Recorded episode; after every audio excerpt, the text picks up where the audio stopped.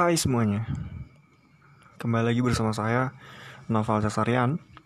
Dan eh, Kali ini saya akan membacakan Buku di bawah lentera merah dari Sohoki. Mungkin langsung saja kita mulai. Bab 1 Pendahuluan. Beberapa tahun yang lalu, ketika meneliti koran-koran awal tahun 30-an, saya kadang-kadang membaca berita-berita di sekitar proses pengadilan terhadap kaum komunis. Mereka ini bukanlah tokoh-tokoh utamanya, melainkan hanya peserta biasa saja. Di dalam mengemukakan alasan mengapa mereka ikut memberontak di tahun-tahun 1926 sampai 1927, kebayangan data menunjukkan kepada sebab-sebab kemiskinan. Biografi laki kecil ini pun sangat menarik. Terkadang hanya karena utang 50 sen atau karena soal-soal kecil lainnya. Mereka berani melawan Belanda. Dan waktu itu juga, sering terbaca betapa keadaan orang-orang buangan di Dugul. Saya pernah membaca betapa kerasnya watak Mas Marco, Budi Sucito, Winanta, dan Najwan yang menolak utusan gubernur jenderal menemui mereka. Membebaskan mereka dari neraka Digul. Kadang-kadang saya membaca beberapa beberapa segi dari kehidupan tokoh-tokoh komunis ini. Misalnya, tentang kebandelan Mas Marco dan kedermawanan Najwan. Kesemuanya sangat menarik hati. Dan saya berminat untuk mengetahui lebih banyak lagi tentang bagaimana keadaan perkembangan komunis di Indonesia sebelum tahun-tahun 1926. Tetapi jika kita membaca buku-buku penulis asing dari luar negeri, gambaran yang kita peroleh menjadi agak berbeda. Hari J, Benda misalnya, menganalisis pemberontakan itu terjadi ketika terdapat sejumlah kenaikan pendapatan dan perbaikan penghidupan. Dengan menunjukkan kepada data-data yang lengkap, Benda menarik kesimpulan bahwa the revolter were not totally not bred in misery among poverty-stricken or exploit peasant and laborers living under the yoke of Western imperialists. Padahal berita dari koran-koran pada waktu itu justru cenderung menarik kesimpulan bahwa kemiskinan adalah sebab yang melatar belakangi pemberontakan itu. Kondisi ini juga yang melatar belakangi saya untuk melihat secara lebih detail sebab-sebab dari pemberontakan tahun 1926. Dan untuk menunjang keinginan itu saya pun mulai membaca buku-buku sekitar pemberontakan. Sepanjang yang dapat saya peroleh, pembacaan ini malah telah merangsang saya untuk mengetahui awal mulanya pergerakan komunis di Indonesia. Karena tanpa tahu awal mulanya, sama saja dengan membaca sebuah koran dari tengah-tengah.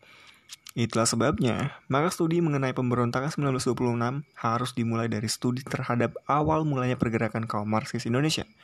Dan, dan dalam hal ini, kita harus mulai dengan Sarekat Islam Semarang. Permulaan abad ke-20 merupakan salah satu periode yang paling menarik dalam sejarah Indonesia. Karena sekitar tahun-tahun itulah terjadi perubahan-perubahan sosial yang besar di tanah air kita. Pesatnya perkembangan pendidikan barat, pertumbuhan pendudukan yang penduduk yang meningkat cepat dan mulai digunakan teknologi modern, kesemuanya menimbulkan perubahan sosial di Indonesia. Nilai-nilai tradisional yang telah mengakar di bumi Indonesia tiba-tiba dikonfrontasikan secara intensif dengan nilai-nilai tradisional mereka dan malah ada yang sudah mulai melepaskannya. Walaupun pegangan yang baru belum mereka peroleh, Ketiadaan pegangan menciptakan rangsangan untuk mendapatkan suatu pegangan. Sebagian dari mereka mencarinya di dalam pemikiran-pemikiran Islam, sedang yang lain mencari dengan menggali kembali kebudayaan lama untuk disesuaikan dengan dunia mereka yang modern. Sebagian lainnya mencarinya di dalam alam pemikiran barat. Dengan berbaju modern pada awal abad ke-20 itu, kita jumpai banyak aliran yang kadang-kadang saling bertentangan.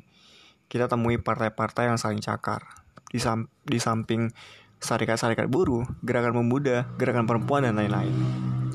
Dan jika mulai sedikit saja mengorek kulit modern itu, kita akan menemukan makna yang sesungguhnya dari gerakan-gerakan itu.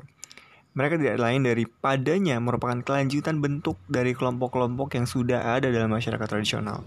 Apalagi jika kita memperhatikan dasar dari tradisi, dasar dari konsepsi-konsepsi mereka yang dikemukakan secara teliti, maka dengan tidak terlalu sulit kita akan dapat merasakan hubungannya dengan pemikiran-pemikiran pra abad ke-20.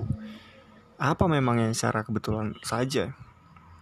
Maka kaum priai bergabung dengan ke dalam Budi Utomo dan kaum santri ke dalam syarikat Islam di sementara tempat.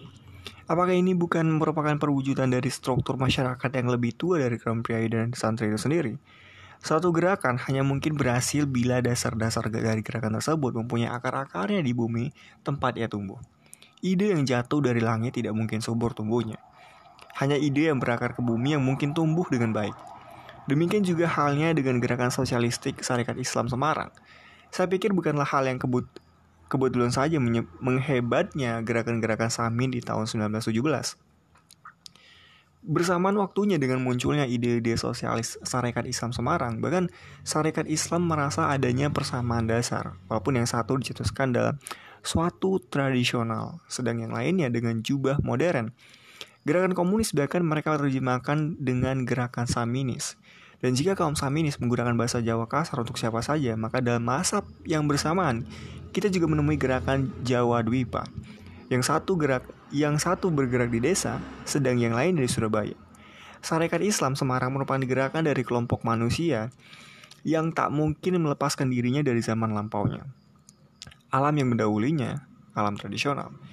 Ide tokoh-tokohnya mau tidak mau merupakan lanjutan dan berhubungan dengan gagasan-gagasan yang hidup pada pra abad ke-20 Persoalannya sekarang, bagaimana hubungan abad tradisional itu dengan abad ke-20? Bagaimana perkembangan dan perubahannya? Hanya penyelidikan dan penelitian yang lebih mendalam yang akan menjawab pertanyaan menarik ini. Di bawah lentera merah.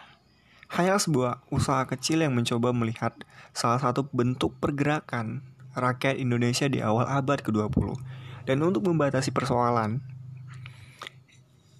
Is memilih pergerakan Syarikat Islam di Semarang di dalam masa antara tahun 1917 sampai 1920. Mengapa dimulai dengan tahun 1917? Karena mulai tahun itulah uh, tendensi-tendensi sosialistik mulai jelas. Sedang batas Mei 1920 adalah bulan didirikannya Partai Komunis Indonesia. Dengan demikian, tulisan ini terhindar dari berkepanjangan tanpa batas.